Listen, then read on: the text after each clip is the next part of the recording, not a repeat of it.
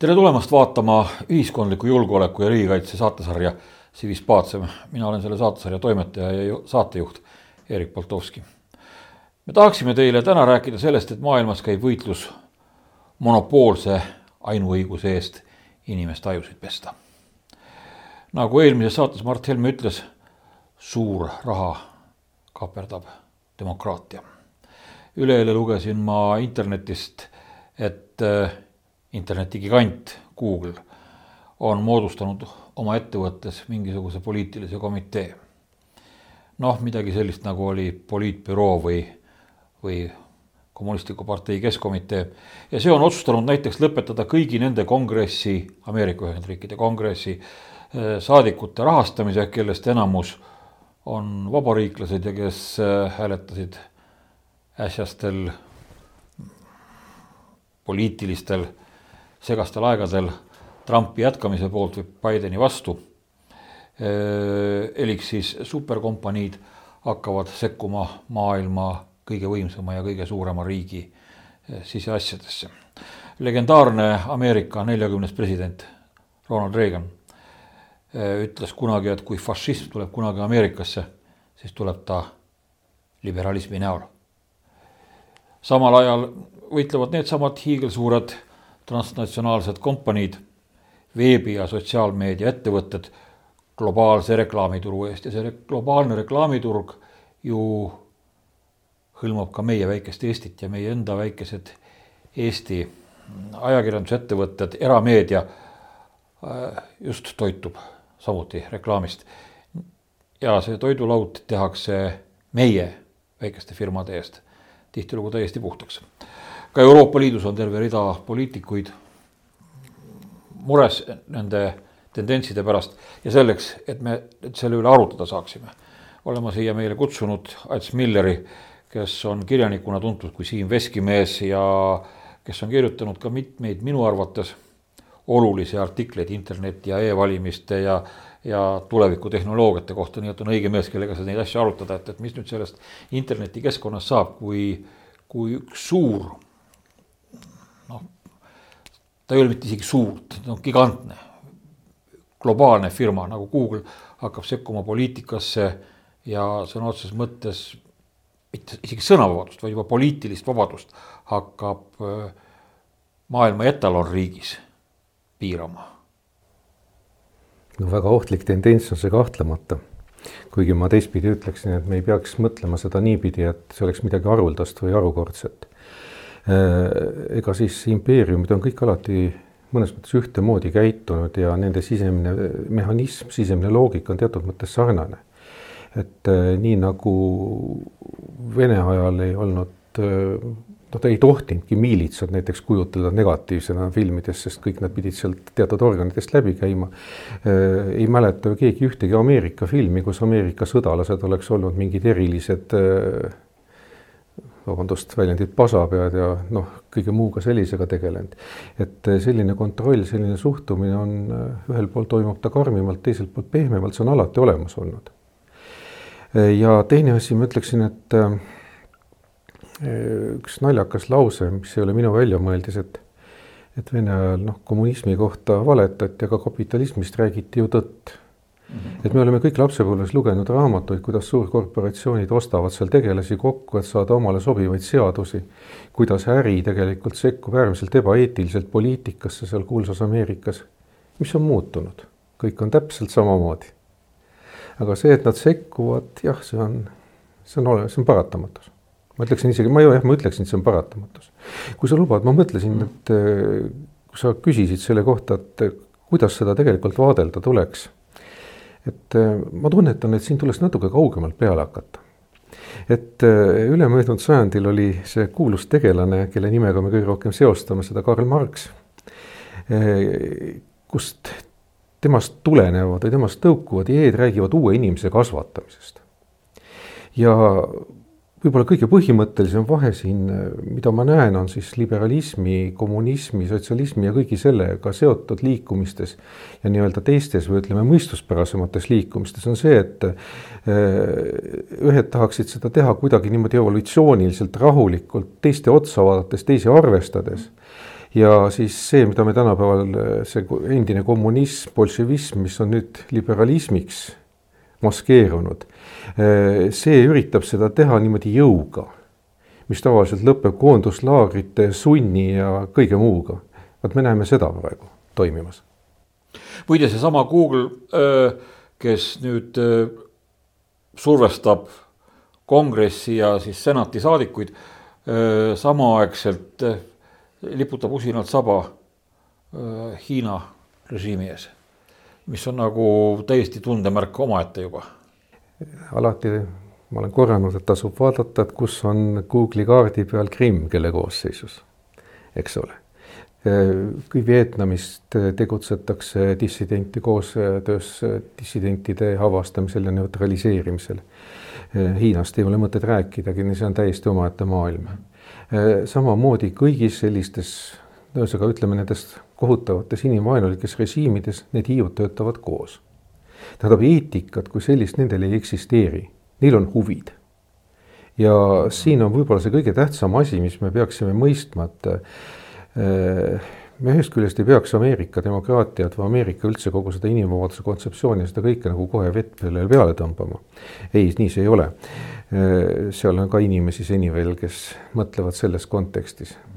Aga äri kui selline, et rahal ei ole kodumaad, kapitalil ei ole kodumaad, et need inimesed ei hooli teistest inimestest, need hoolivad ainult rahast. samas kapitalistil siiski kodumaa ju on ja tal on ka rahvus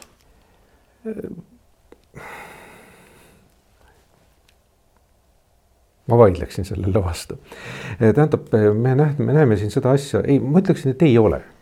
sest äh, siin me tooks paralleeli hoopis kaugelt. Seesama immigratsioon. siin on no selge on ju numbritega näidata, et äh, odava tööjõu sissevedamine ei too ühiskonnale mitte kunagi kasu. vastupidi äh,, kuhjuvate probleemide tõttu läheb see väga kalliks see toob kasu sellele konkreetsele tüübile, kes neid sisse veab. tema saab kasu, kaasnevad kulud kannab ühiskond solidaarselt. Äärmiselt küüniline mõtteviis, aga see iseloomustabki seda nii-öelda kapitalismi kui noh, kapitalismi olemuslikkust. lühiajaline kasu kui ma eile sind, Ats, kutsusin äh, saatesse, saate salvestusele täna siis äh, rääkisime sellest, et Austraalias blokeerib Google inimeste ees suurte parempoolsete ajalehtede äh, veebiväljaandjaid. sa ütlesid, et sa just tutvusid selle asjaga hetke enne seda. mis sa arvad niisugusest asjast? tähendab, see on, see on pikem protsess mm. -hmm. ja see on Austraalia on nüüd kuidagi lihtsalt tõusnud seal üles, sest nemad on hakanud praktiliselt midagi tegema. ka Euroopa on hädas olnud ja kui kaks tuhat jälle numbrid kaks tuhat kuusteist, kaks tuhat seitseteist Euroopa võttis vastu selle andmekaitseseaduse. siis tegelikult ju ka paljud suurfirmad ähvardasid, et nad lähevad siit ära või viivad oma kontorid siit ära. ja põhjus oli selles, et Euroopas tegelikult eh, inimeste kaitse on, inimesi kaitstakse natuke rohkem. No seal on palju punkte, tähendab, et see dokument ise on äärmiselt mahukas nagu ikka, sihuke bürokraatlik jõletis, paarsada lehekülge. ja enamik sellest on suhteliselt mõttetu, osa juba ajast maha jäänud ja nii edasi. aga seal olid väga mõningad põhimõtted, mis äh, näiteks Euroopa inimest eristavad nüüd ülejäänud maailmas, selles mõttes meil on rohkem õigusi. no näiteks õigus olla unustatud, ehk kui sa ei taha, et sinu andmeid säilitatakse, siis need tuleb kustutada, neid ei tohi kasutada. no see, kas seda nüüd päriselt tehakse väljaspool Euroopat, see on iseküsimus, eks ole, paljud teised õigused täpselt samamoodi. et ikkagi sinu andmed kuuluvad sulle, autoriõiguse kontseptsioon, eks ole, et äh, ikkagi sina oled tekitatud asjade esmane omanik, sõltumata sellest, kas sa annad need ära või mitte. seal on väga palju selliseid punkte et noh, see, et me määrame sinna mingisugused äh, andmeametnikud ja nii edasi, noh, see on puhas bürokraatia, mis tekitab ainult, no ei too midagi juurde. aga Austraaliaga oli siis see, et äh, tegelikult jah, me oleme sellises huvitavas olukorras, et äh, seda reklaami või reklaamiraha kisuvad suured kompaniid ära kohalikelt väljaannetelt. ja samamoodi ka need suured müügiplatvormid, näiteks Amazon, eks ole, et noh, selle asemel, kus sa oma asju müüki paned, ma mõtlen ka intellektuaalset omandit, ka raamatuid, asju. ikka sinna, aga see kohalik, noh, see ei jõua kuhugi, keegi ei tea neist midagi, eks ole. et eh, loomulikult eriti maailmas, mis on ühe hiirekliki kaugusel ikkagi mingisugune portaal. suur eelis on selles, et see on üks, tuntud ja keskne. järgmiseks on siis see, et kui sa midagi väga erilist tahad, siis sa pead otsima kaugemalt aga üheksakümmend, võib-olla isegi üheksakümmend üheksa protsenti inimesi enamasti ei taha või ei vaevu sellega tegelema, sest teiselt poolt pakkumine on ka väga suur. ja mis nüüd juhtub, et noh, kõigepealt me peaksime aru saama reklaamist kui sellisest. et alati mulle meenub sellega seoses üks Terry Pratchetti raamat, kus on, Terry Pratchett üldse geniaalne inimene oli. et see Moving Pictures, liikuvad pildid vist eesti keeles. et seal, kui neid seal nagu avastati selles tema muinasmaas, eks ole, avastati või selles väljamõeldud maailmas avastati kino. ja siis sinna hakati toppima reklaame. ja siis ta vaatas seda, üks keegi peategelane vaatas seda reklaami, mõtles, et, et ta teab seda üles kiidetud toidu kohta küll.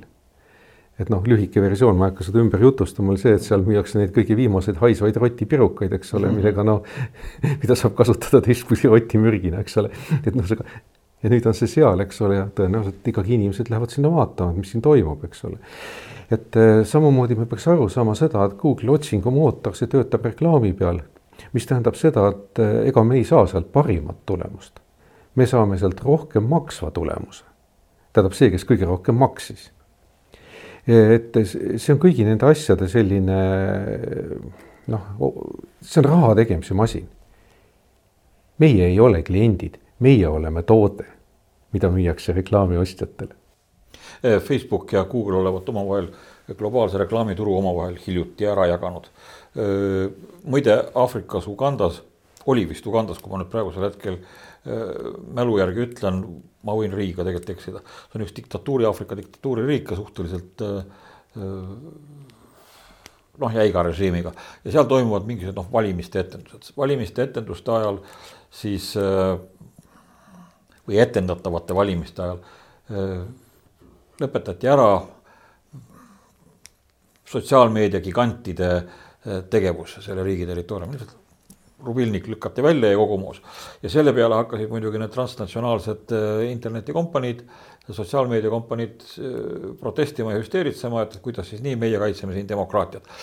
seal nad väidavad ennast kaitsmast demokraatiat siinsamas on neil reklaamiturg, kus nad äh, jagavad seda kellegi käest midagi küsimata ja Ameerika Ühendriikides äh, survestavad valitsust täiesti radikaalselt selliste vasakpoolsete äh, vaadetega, nagu sa ütlesid Vietnamis, nad aitavad jälitada kogunisti teisiti mõtlejaid, eks ole. jah, vot siin on nüüd huvitavad asjad, et tegelikult mul enne jäi natuke, sa küsisid Austraalia kohta, ma läksin sealt kaugele selle Euroopas äh, asjadega, et mis ma tegelikult tahtsin öelda, on see, et Euroopa tegelikult alustas neid protsesse neli-viis aastat tagasi, Prantsusmaa, Saksamaa.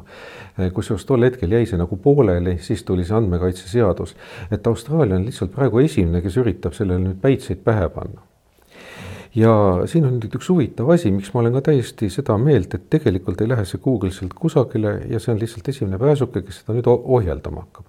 Sest kuhu tal minna on selles mõttes, et sealt ta läheb ära. aga tema turg jääb ju ka väiksemaks. siis lükkab mingi teine riik, ütleb, et äh, hakkab nõudma, kolmas, neljas et mõtleme hetkeks, et mis nende riikidega juhtub, kes sealt välja lähevad, et kas nad nüüd tõesti kukuvad järgmisel päeval metslusesse või? ei, tekivad alternatiivsed kanalid. Me oleme praegu pigem sellises murdepunktis, kus äh, ma tõsiselt loodan, et tekib alternatiive. ja võib-olla tekib ka kohalikele või mingisugustele teistsugustele lepingutele võimalusi. et äh, ega siis ükski selline türannia ei ole igavesti kestnud Suurbritannia ühel hetkel valitses oma lahingulaevadega ka poolt maailma. no kus ta nüüd on, eks ole. Et samamoodi Nõukogude Liit, kõik need asjad kaovad, et me oleme lihtsalt praegu sellises väga halvas või väga ohtlikus olukorras. kusjuures ma rõhutan, et kuigi minevikus on selliseid asju olnud, on praegune situatsioon uudne selles mõttes, et sellist digitaalset meediat ei ole varem olnud. et varem on riigid rohkem-vähem avalikult seda teinud kui Gutenberg oma trükipressi välja mõtles tuhat nelisada viiskümmend umbes, eks ole, siis äh, juba järgmisel, ma ei riski öelda nüüd täpselt seda aastaarvu palju hiljem, juba tekkis see kuulus paavsti keelatud raamatute nimekiri, mis tühistati alles möödunud sajandil möödunud sajandi keskel. ehk siis, et mida tõeline kristlane või tõeline katoliiklane ei tohiks iialgi lugeda. kusjuures kõik linnad, kõik valitsused hakkasid kehtestama oma reegleid litsentse välja andma sest mõisteti, kui ohtlik on infolevi siis me olime möödunud sajandi alguses, arenes lõplikult välja see ühepoolse ehk massimeedia ajastu, kus raadio, televisioon, ka ajalehed olid äärmiselt võimekad. ja enamik inimesi ju tegelikult uskus seda, on kirjutatud, et või et ma panen su raamatusse, ma panen su laulu. trükisõna oli püha lausa, eks ole. et ei, et ei kirjutata ju täielikku valet, kusjuures me ju kõik teame, et kirjutati täielikku valet mm. -hmm ja tagantjärgi vaatame, et see oli puhas propaganda. propagandat oli vähem või rohkem, seda tegi Natsi-Saksamaa, Nõukogude Venemaa. ja miks segati seda Ameerika häält, segati sellepärast, et noh, seal oli infot miks omal ajal siin Eestis võideldi või Tallinnas, pigem Põhja-Eestis võideldi nende Soome antennide vastu, eks ole, kampaania korras. no need olid lootusetud võitlused selles mõttes, et infot on väga raske takistada, kõik oleneb inimeste meelsusest, noh, meelsus oli niikuinii juba kaotatud, nüüd siis ei olnud enam midagi teha et praegu me elame sellises huvitavas ajastus, kus on see tekkinud see kahepoolne meedia, kus meediamonopoli teatud mõttes ei ole. ja nüüd need õnnetud kompanid üritavad seda uuesti kehtestada. kusjuures minu meelest, kui ma oleks selle Google'i nahas, siis ma väga mõtleks, mida ma teen. sest see praegu tähendab seda, et kõigile alternatiivsetele platvormidele anti samasugune boost nagu omal ajal kuiva seadusega maffiale. ehk siis, et nüüd hakkavad väga paljud mõtlema, et võib-olla koliks ära. et võib-olla ei tasu seal olla. ja nii need monopolid murduvad, ega teistmoodi, mida ma siin öelda oskan, et loodame parimat, kuigi ma näen praegu seda, et jah, ma hoian Austraalial pöialt. ma loodan, et nad nüüd võtavad selle seaduse vastu. Google natukene hüpleb niimoodi, lepib vaikselt, laseb kõrvad lonti ja hakkab maksma ja siis tulevad lähima viie aasta jooksul tuleb Euroopa järgmiseks järgi, Uus-Meremaa, Kanada, kõik teised.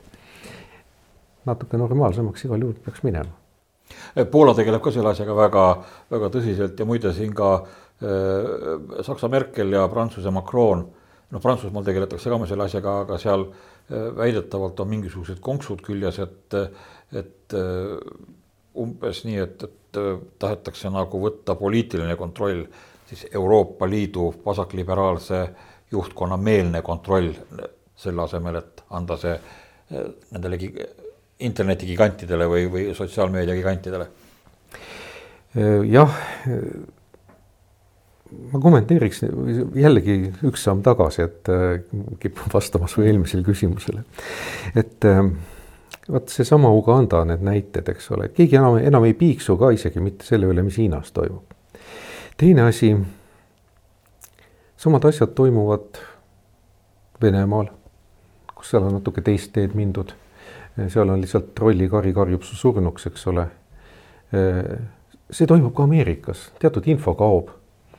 nüüd olen mina ka Facebookis aeg-ajalt näinud, kus ilmub see fake info lapp tegelikult asjadele, milles ma tõsiselt kahtlen, et see on fake ja vastupidi, tähendab, et see ja ma näen, kuidas noh, selgelt tunnetatav on sama asi, et kuidas üks info kaob, teine tekib. nii et noh, Uganda võib-olla ei ole hea näide, sest noh, näiteid on ju seinast seina, eks ole. aga see mõjutustegevus, kõige hullem on see, et me ei tohi silmi sulgeda selles, et see toimib. ja see toimib tegelikult tõhusalt. ja siin me jõuame selleni, et et äh, ma tahaks tegelikult rõhutada seda, et äh, või äärmiselt ebakorrektset seisukohta, et enamik inimesi on uskumatult rumalad. et äh, kogu lugupidamise juures seda infot võetakse vastu suhteliselt jah, süüdimatult. ehk siis see, see, mis tuleb, seda usutakse. on kirjutatud, internetis räägitakse jah, meediagigandid tegelikult viitavad väga õigele asjale, et eh, see on selles mõttes halb asi, et igasugune väärinfo on hakanud levima. kusjuures on hakanud levima väga kahjulikku infot. tõepoolest, ma mõtlen inimestele otseselt kahjulikku tervisele, vaimsele tervisele sealhulgas. Eh, ma ei räägi puhtalt niisugusest tegelikult naljana võetavatest erisustest nagu lame maa ja kõik muu, eks ole mm.. no see ei ole kõne väärt, eks ole, jumala eest, alati on inimesed uskunud jumal teab mida. Äh, ütleksin veel see, et äh, öeldakse, et Eestis näiteks on seda klassikalist usku suhteliselt vähe, samal ajal öeldakse, et esoteerikat on palju. ehk siis, et noh, inimestel, kellel on vajadus uskuda jumal teab mida, et nende hulk on sama. jumalat ei usu, aga horoskoopi usun, eks ole. no ja selle asemel, et uskuda midagi väärikat, millega käib kaasas eetika, sajandite, sajandite kogemus, teatud selline suurus, selle asemel usk-, usutakse täielikku põhku. nagu Murphy seadus ütleb, et ta noh, täielik jama tõrjub tavalise jama välja, eks ole. et äh, samamoodi töötab ka see ütleme, nende meediagigantide selline vaikne mõju. et kui lastakse ikka ette alati ainult neid omale sobivaid artikleid, siis ollakse noh, siis inimesed kipuvad neid rohkem lugema, kui see teistsugune info on kuhugi peidetud.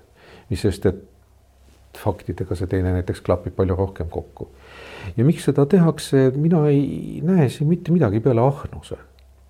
Sest äh, see liberaalne maailmakord, see, kuidas praegu jõuga kasutatakse, kasvatatakse sellist hästi tolerantset inimest, see tähendab seda, et piiranguid ei ole. et äh, needsamad gigandid saavad äärmiselt vabalt tegutseda selles, selles keskkonnas.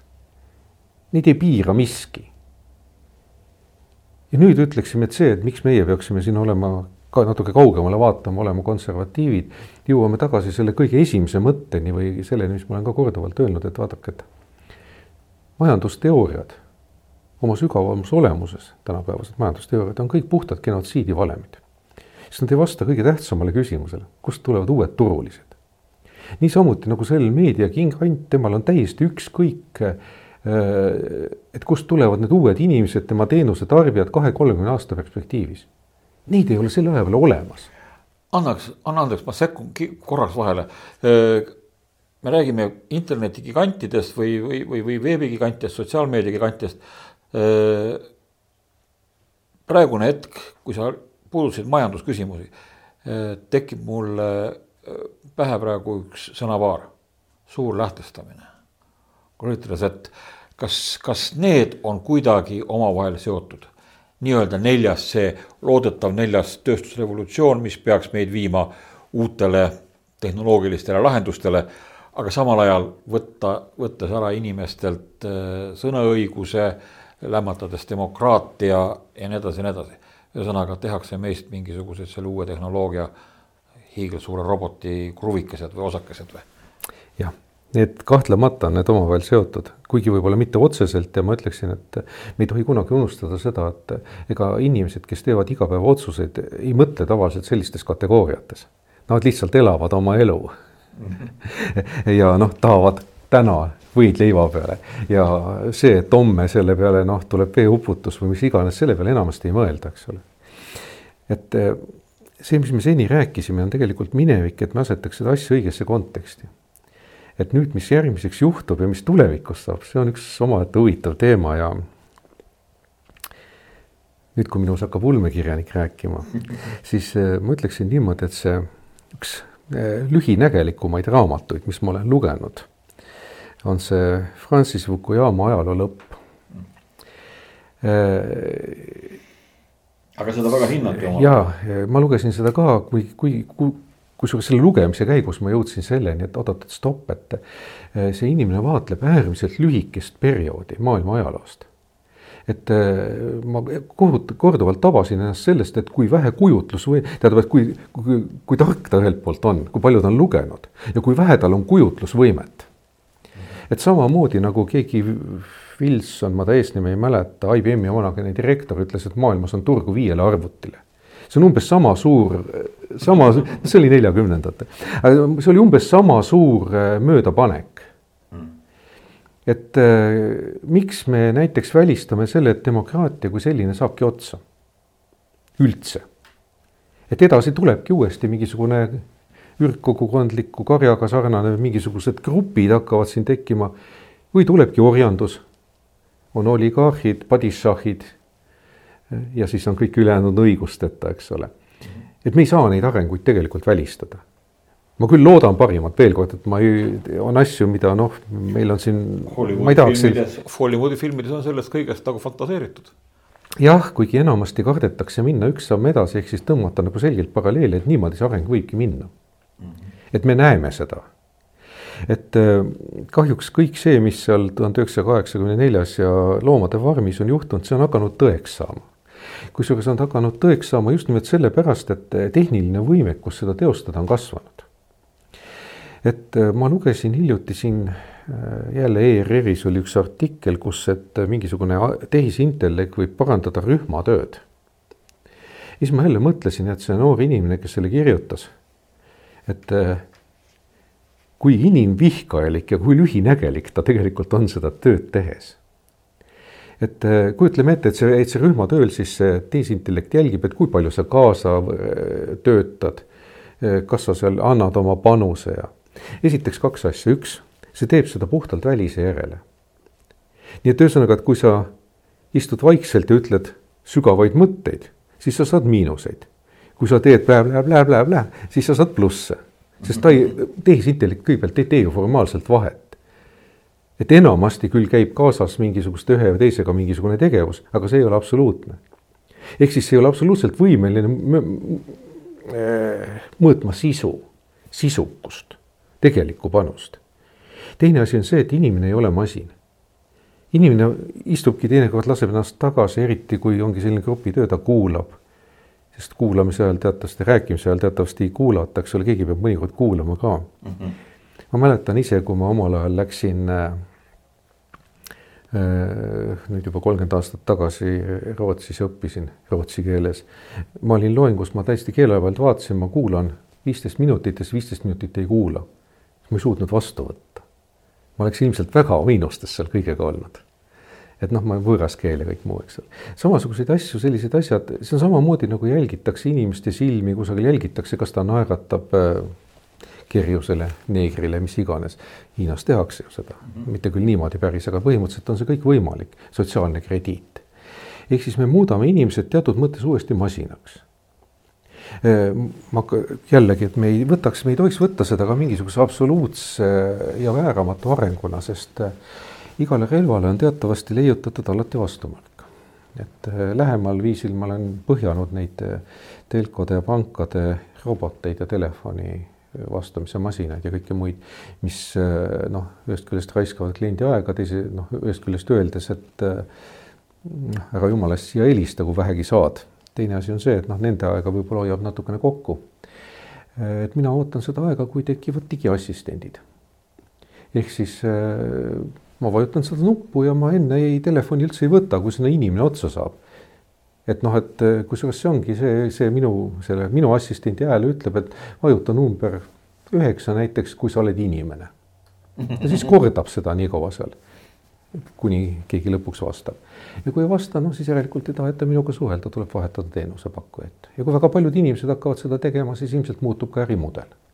Eh, samamoodi ma näeksin seda kõigi muude asjadega sellega, et noh, seda näiteks inimese jälgimisega et ühel hetkel tõenäoliselt tekivad, tekivad sellised digitaalsed assistendid, mis tõmbavad sulle naeratuse näole või, või siis ütleme, et kui sa oled niikuinii videos suhted, eks ole, mis panevad sulle sinna avatari. see näeb piisavalt elus välja, nii et peaasi on see tehis, teine tehisintellekt ära petta, eks ole mm. -hmm. et siis oledki niimoodi, et sa tegelikult võid seal aluspükstes passianssi laduda, eks ole, või mingit mängu mängida, eks. ja siis sinu eest peab see asi koosolekut, sest enamik koosolekuid on ju ka täiesti mõttetud, sealt niikuinii midagi ei toimu aga me läksime jälle selles mõttes teemast kaugele, et äh, miks ma seda kõike räägin, on see nii-öelda järgmine revolutsioon, et see kahtlemata tuleb.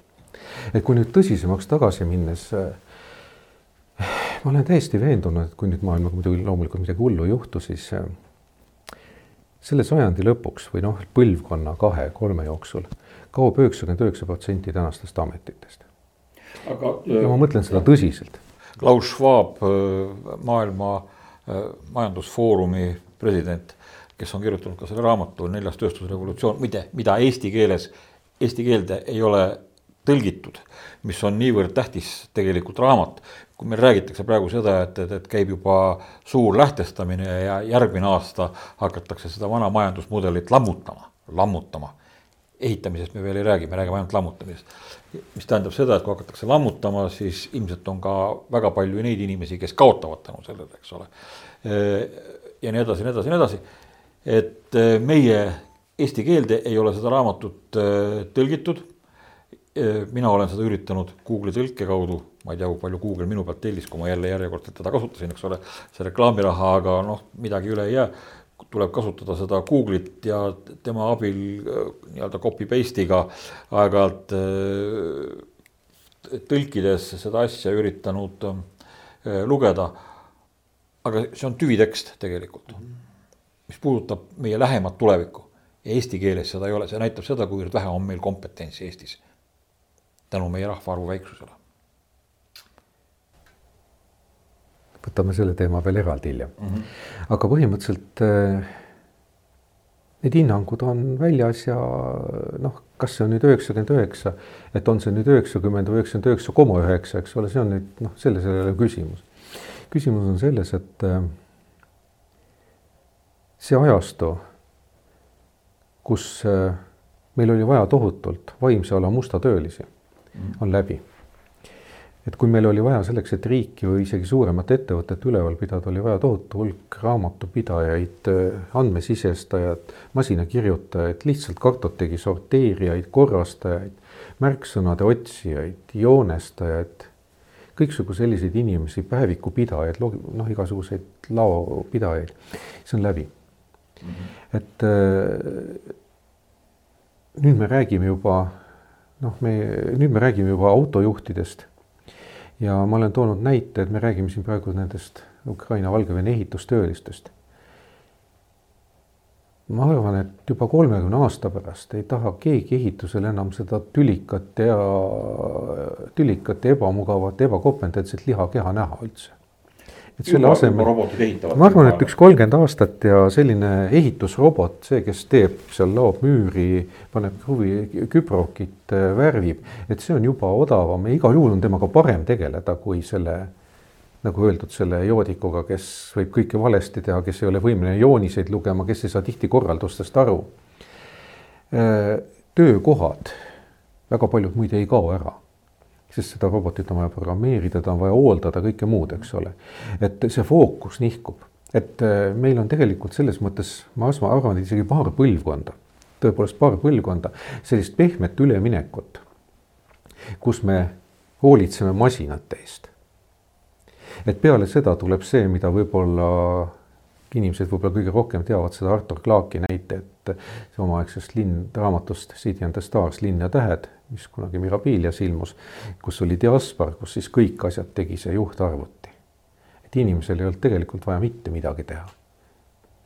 peale selle, et tore olla. siis oli seal üks inimene, kes tahtis välja saada, see on hoopis teine jutt. aga et see, meil on see pehme üleminekuaeg et ma olen täiesti nõus sellega, et võib-olla ülim asi, mida inimene teeb, on ühel hetkel ta teeb masina täiuslikuks ja sellel hetkel ta siis pöörab sellele masinale teatud mõttes selja et masin saab edaspidi iseendaga täiesti hakkama, inimene võib pühenduda millelegi muule. küsimus on siis, kas see on mille, mis, mis on see miski muu? kunstid. kunstid, aga võib-olla gladiaatorivõitlused mm. ei tohi kunagi unustada, et ka tumedam pool on alati olemas. Marquis de Sade ja mis nad kõik on, eks ole, de Sade. tähendab, me seisame tegelikult selle pöörde alguses tõepoolest et äh, ma olen ka seda tehisintellekti ise sellest kirjutanud, et äh, me oleme, kui me nüüd üritame objektiivselt mõõta seda, me oleme ikkagi nagu veel natukene maas, et sellist riistvara ei ole olemas. Äh, kusjuures üks leebe punkt on see, et kui see ühel hetkel ka pannakse kokku inimvõimekusega arvuti, siis see on ikka endiselt saali täis ja seda on üks ikka noh, selleks, et see noh, esimene lennuk tõusis uh, õhku tuhat üheksasada kolm, üle ookeani lennati eh, paarkümmend aastat hiljem ja tegelikult reisilennundus tuli poole sajandi pärast. isegi kui aastaks kaks tuhat viiskümmend pannakse see tehisintellekt kokku, siis ikkagi alles sajandi lõpuks muutub see tavaliseks. et no ei lähe kiiremini. kvantarvutiskeem on juba tegelikult ju olemas, et kuidas see töötama peab, eks ole vist kvantarvutisse ma suhtuksin, see on omaette teema, jätame selle praegu kõrvale, et ma selle. Läheme liiga laiali. jah, see on järgmise sajandi teema, ma usun, et tähendab, me praegu räägime siin sellest, et äh, arvutus, me räägime praegu siin arvutusvõimsuse kasvust ja sellest, et tegelikult masinad on võimelised järjest üle võtma teatud inimeste funktsioone ja tõepoolest inimesi hakkab juba praegu üle jääma.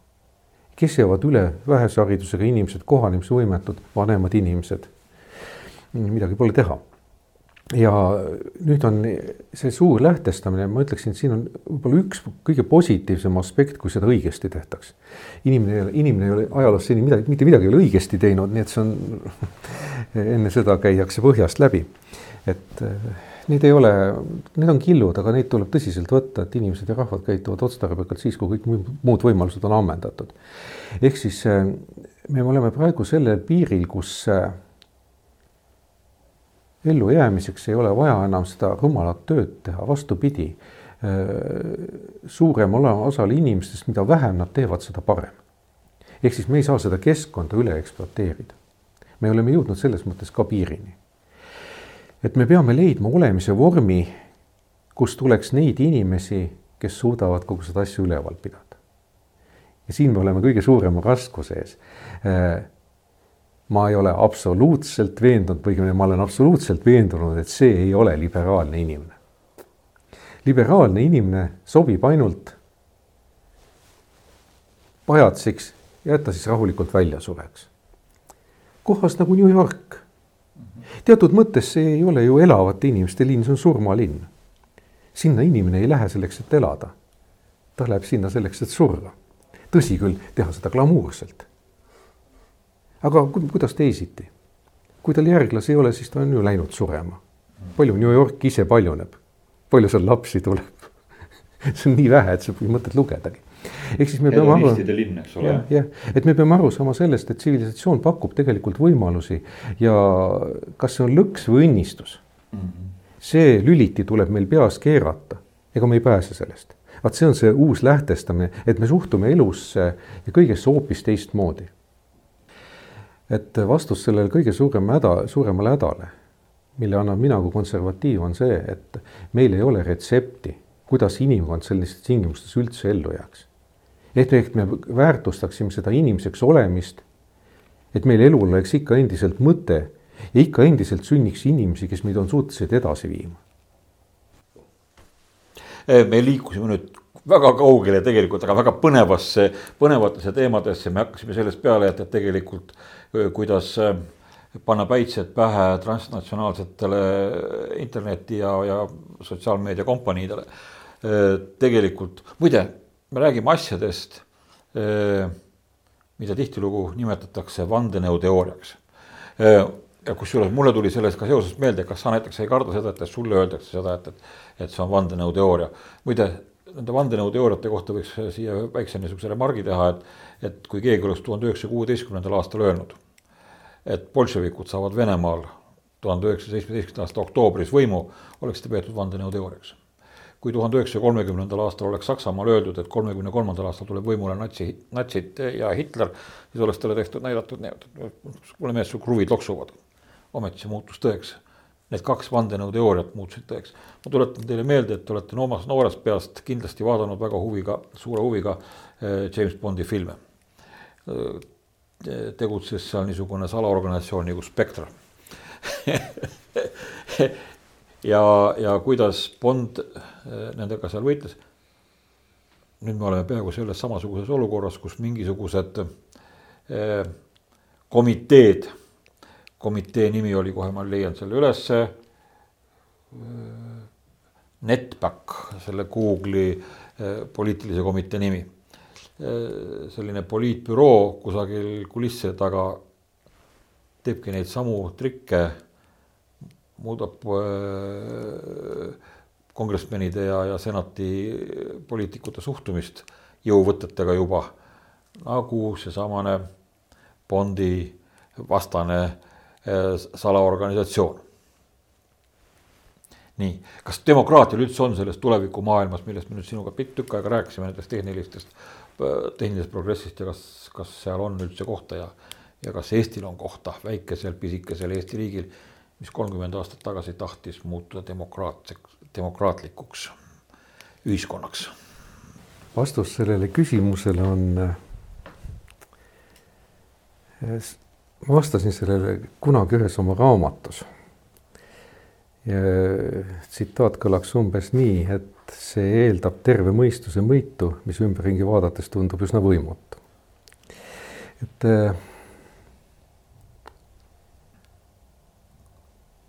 ma vastaksin jälle teistmoodi. et miks Nõukogude Liit põhja läks? kõigepealt ennustused, mis tehti möödunud sajandi alguses kusjuures need ennustused ei olnud üheski mõttes halvad selles mõttes, et noh, neil ei olnud küll arvutustehnikat, aga meetodid olid ju teada, eks ole. matemaatiline analüüs ja kõik muud. ütlesid, et tuhat aastaks viiekümne aasta pärast, siis aastaks tuhat üheksasada viiskümmend elab Vene impeeriumis kuussada miljonit inimest ja see on kõige rikkam piirkond maakeral. See, seda ma olen alati toonud näiteks, et see on siis bolševismi hind. Mhm. kolm neljandikku rahvastikust ja üks vaesemaid piirkondi maakeral. et äh, samamoodi on äh, kõigi muude asjadega ka, et äh, ma ei ennusta pikka iga sellistele nii-öelda lühinägelikele teooriatele, mis lähevad väga kaugele tervest mõistusest, selle rakendamisest. et nad mõnda aega toimivad. Aga ühel hetkel nad lihtsalt suubuvad vaesusse, jäävad teistele jalgu ja noh, sealt ei tule midagi. selle tõttu ma ka muide väga ei karda Hiinat sealt ei tule midagi. Nad ei ole ise mitte midagi välja mõelnud, nad ei ole suutelised midagi mõtlema ja nad ei tee ka midagi selleks, et nad, nad võitlevad selle vastu, et nendel hulgast üldse mõtlevaid inimesi tuleks. mõtlev inimene tuleb teatud keskkonnast. tuli vanasti kõigepealt kust, vanast Ateenast, eks ole, kus teatavasti oli väga vähe inimesi, aga iga kahesajas on entsüklopeedias ja on tulnud valgustusajastust, me oleme teatud mõttes valgustusajastu lapsed, kus meil lubati mõelda, kus meil aktsepteeriti seda, et väga palju erinevaid arvamusi on koos. et ma ütleksin see, et me oleme praegu teatud mõttes teelahkmel. et kas hakatakse inimesi kontrollima või siis meil on lubatud jätkuvalt mõelda, mida me tahame. või siis saabub mingisugune vahevariant ütleme, et noh, meie võime ikkagi olla näiteks sellel poolel, kellele lubatakse mõelda, antakse teatud aadli õigused. ainult et ja siis teised on mass, aga meie mõtted ei või nendeni jõuda. Nemad saavad seda roosat putru, kassipilte, lillekesi, lamedaid nalju, reklaami, Hollywoodi toodangut. Ja on võimalik tuhat muud asja aga väga võimalik, et ühel hetkel, tähendab, et ma ei ütle, et see on midagi positiivset. et väga võimalik, et mingil hetkel katsetatakse seda, et või noh, me jõuamegi praktiliselt selleni, et selliseid mõtteid, nagu me siin praegu räägime, on lubatud ainult mingites kinnistes foorumites no nagu Vene ajal olid erifondid, et sa pead olema usaldusväärne või ustav, et jah, et noh, siis sa võid ka neid teisi ideid näha üldse või noh, sellest ringis rääkida. sest tegelikult ju Vene ajal saadi ka aru, et sellised ideed on paratamatult olemas, need tuleb läbi mõelda et tuleb aru saada, mida teised mõtlevad ja tuleb ise need korra läbi, noh, et me ei eksi, eks ju, seal on väga palju sellist, seda võib ka positiivsena võtta, veel kord mitte, et ma seda õigustaks, aga ühiskond ei saa läbi tegelikult ilma erinevate arvamusteta. et see jäikus on kõige hullem, et noh, me küll räägime näiteks Jaapani katanast, eks ole, vot oli hea mõõk, tegelikult ei ole hea mõõk. see nõuab, see nõuab kohutavalt tööd ja siis ühel hetkel, kui see katana tehti nii, nagu ta tehti, siis see keiser lasi sellel meistril käed maha raiuda, kõigil järgmistel, kes üldse üritavad paremini teha, pea maha raiuda. ja siis see niimoodi seisabki nelisada aastat täpselt üks tehnoloogia, niimoodi on see võimalik loomulikult suletud ühiskonnas. ainult et mis tegi muu maailm vahepeal? Läks mööda. parema mõõga kui see katana paneb tänapäeval iga vend seal kusagil garaažis tegelikult kokku, olgem ausad nii et äh, progress läheb omasoodu, kui seal lastakse minna. siin on üks väga hull punkt. maailm on väikseks jäänud. varem oli nii, et kui siin lõpetati progress ära, siis kusagil mujal toimus see edasi ja lõpuks nad said nii tugevaks, et neil oli see ükskõik. nüüd on maailm kontrollitav rohkem. nii et võib-olla tõesti siin saabubki see punkt, kus inimkond ei saagi edasi.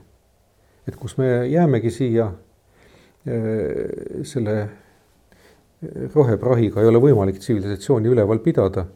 ja siis ühel hetkel me kukumegi kokku. ma näen edasi, no tähendab, sellel suurel lähtestamisel on üks asi, mis on selgelt äh, õige, kindlasti. et me seisame mingisuguse singulaarsuse või neksuse lävel. et on mingi sõlmpunkt, kust edasi ennustamine on tegelikult mõttetu.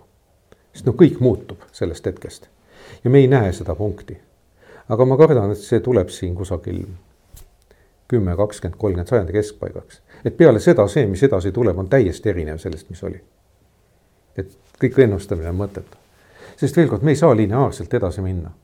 ma ei räägi, nojah, need on muidugi naljad, eks ole, et kui me jätkaks äh, tehnilist progressi nii nagu möödunud sajandi algusest, äh, siis aastaks kaks tuhat viissada oleks, äh, me seisaks maa peal ühe jala peal ja maa hõõguks nagu elektrivirn, eks ole.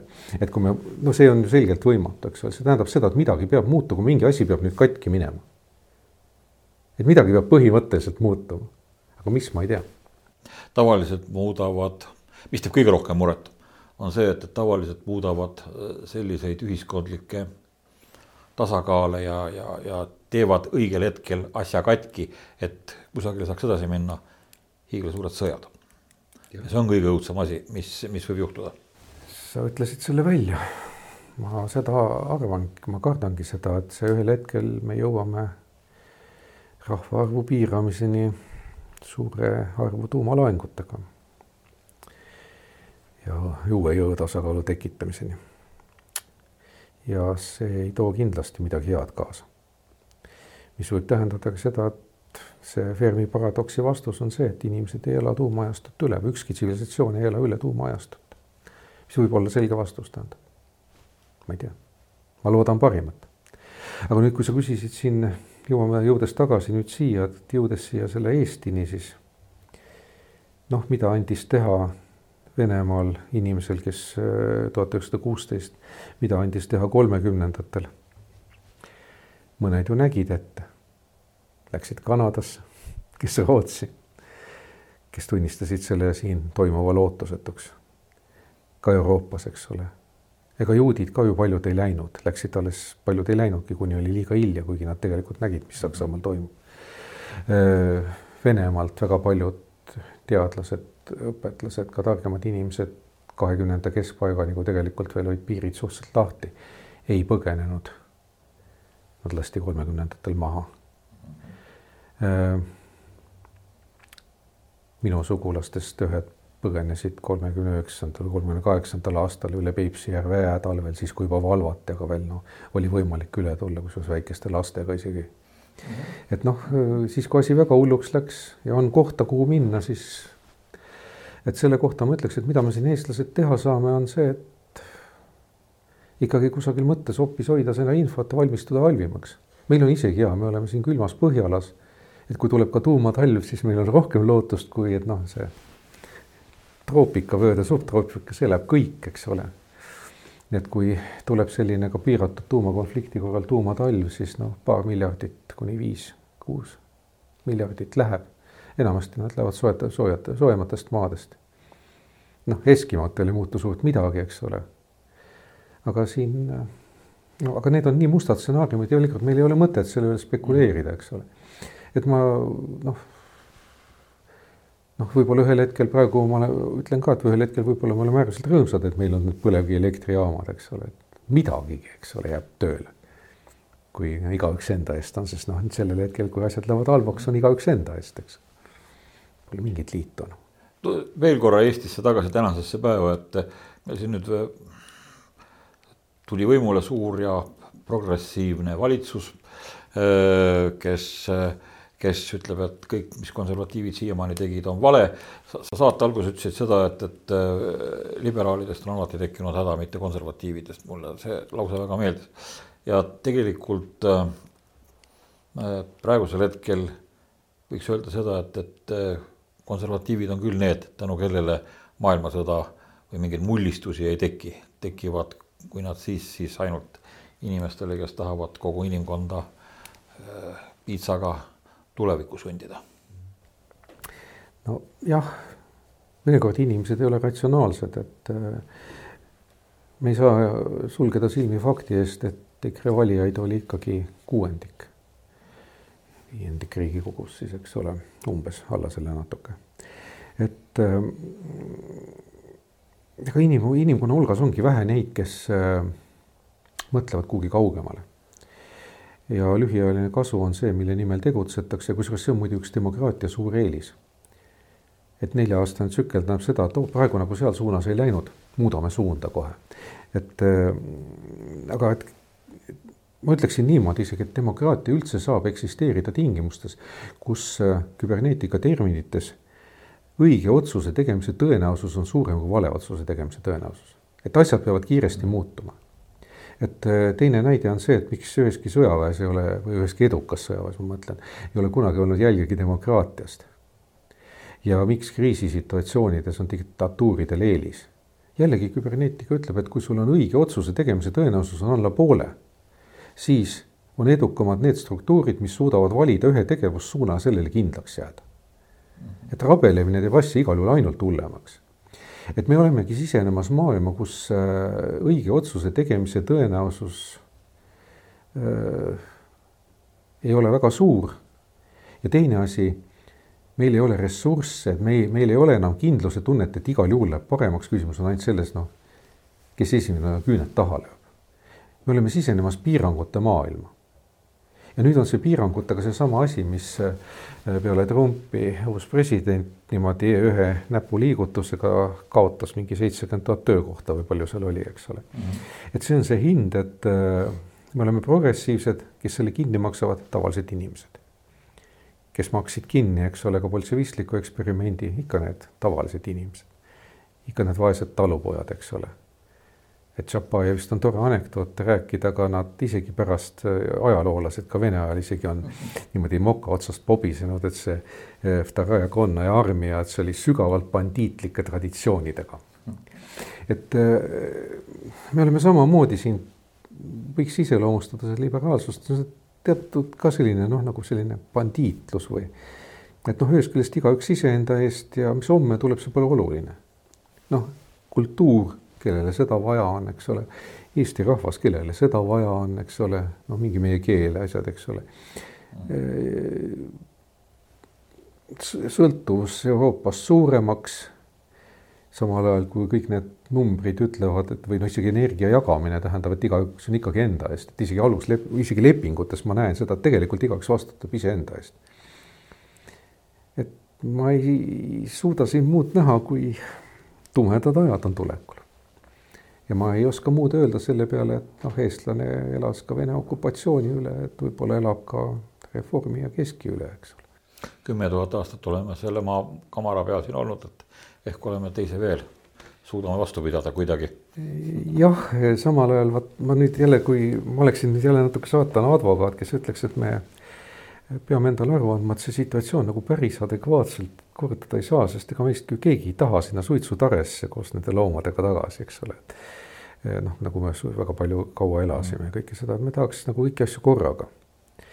ja mina ei näe nagu teist teed, kui oma pead rakendada ehk siis, et äh, jätkuvalt investeerida haridusse, investeerida pere, perekonda, peresse, sealt, kust kõige rohkem tuleb neid uusi eestlasi. Tähendab, et äh, mina ütleksin nii, et meil on ainult üks tee. et meie terve poliitika peab olema suunatud sellele, et toetada seda peret, kust kõige tõenäolisemalt tulevad need järglased, kes omakorda on võimelised sellise pere looma. et kõik muud, olgu neil tore, jumala eest aga noh, neid igasuguseid piiranguid ja asjad, ma ei näe siin mingit nagu äh, piiramine ei tasu kunagi ära. Piiramiseks pead sa vaeva nägema, sa pead tervest jõustruktuuri välja mõtlema, et jumalast ära piira kedagi. keelud ei ole, keeldudel ei ole mingit mõtet, aga sa pead toetama omasid.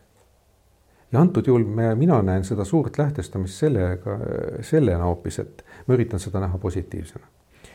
et me hakkame väärtustama inimest et me hakkame, et me töötame selle nimel, et inimkond ka tulevikus alles oleks. Ja meie konkreetselt siin eestlastena, meie peame võitlema selle nimel, et meie eestlased ka tulevikus alles oleksid. et siin on üks maalapp, kus elavad meie järglased ja nad saavad hästi hakkama. ja neil on tulevik. ja nüüd tuleb ja nüüd ma näen, et jah, nii nagu praegu edasi ei saa see, et me siin mingisuguseid toetame mingisuguseid autorollosid, äh, Porto Francosid ja see ongi kõik see, et äh, noh, altkäemaksude abil siin kuidagi saada omale reklaamiks raha, mille eest osta kokku lollid hääled, eks ole. et see süsteem minu arust ei ole elujõuline. et äh, meil on tegelikult väga suur eelis, suhteliselt hõredasti asustatud maa, aeg-ajalt näidatakse ka päikest kõige hullem ei ole, tegelikult meil on vabadust, puhast loodust, kõike on päris palju. meil on potentsiaal. ainult, et me ei saa tagasi minna sinna mingisugusesse looduslähedusse, sest noh, nagu omal ajal tõdeti, et koopasse ei saa tagasi, sellepärast looduslikke koopaid lihtsalt ei jätku. ja see on ju ka tegelikult koobas, tõsi küll, mugavustega koobas. et samamoodi noh, mina olen öelnud, et paar asja on selged. üks on see, et nendele, kes ellu jäävad, tuleb tuumaajastu. tuumatehnoloogiat tuleb selgeks õppida kindlasti.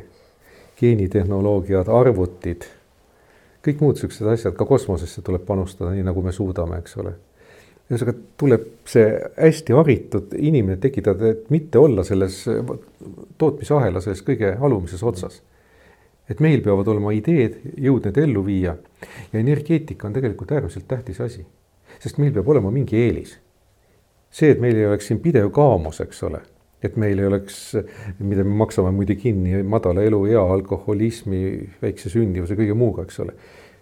see tähendab suured korralikud köetud ruumid, kus me saame elada. see tähendab, et energia peab olema odav. et see roheliselt tuleks kohe pikalt saata no see on, see on, on täiesti kontraproduktiivne, kõige, kõige inimvaenulikum asi on praegu mõelda selle peale, et eh, kuidas siin eh, minna mingisugusesse eh, lehkavasse nullenergia majja, kus sa oled kitsalt koos ja äh, ainult su see pihunühkerdis töötab, eks ole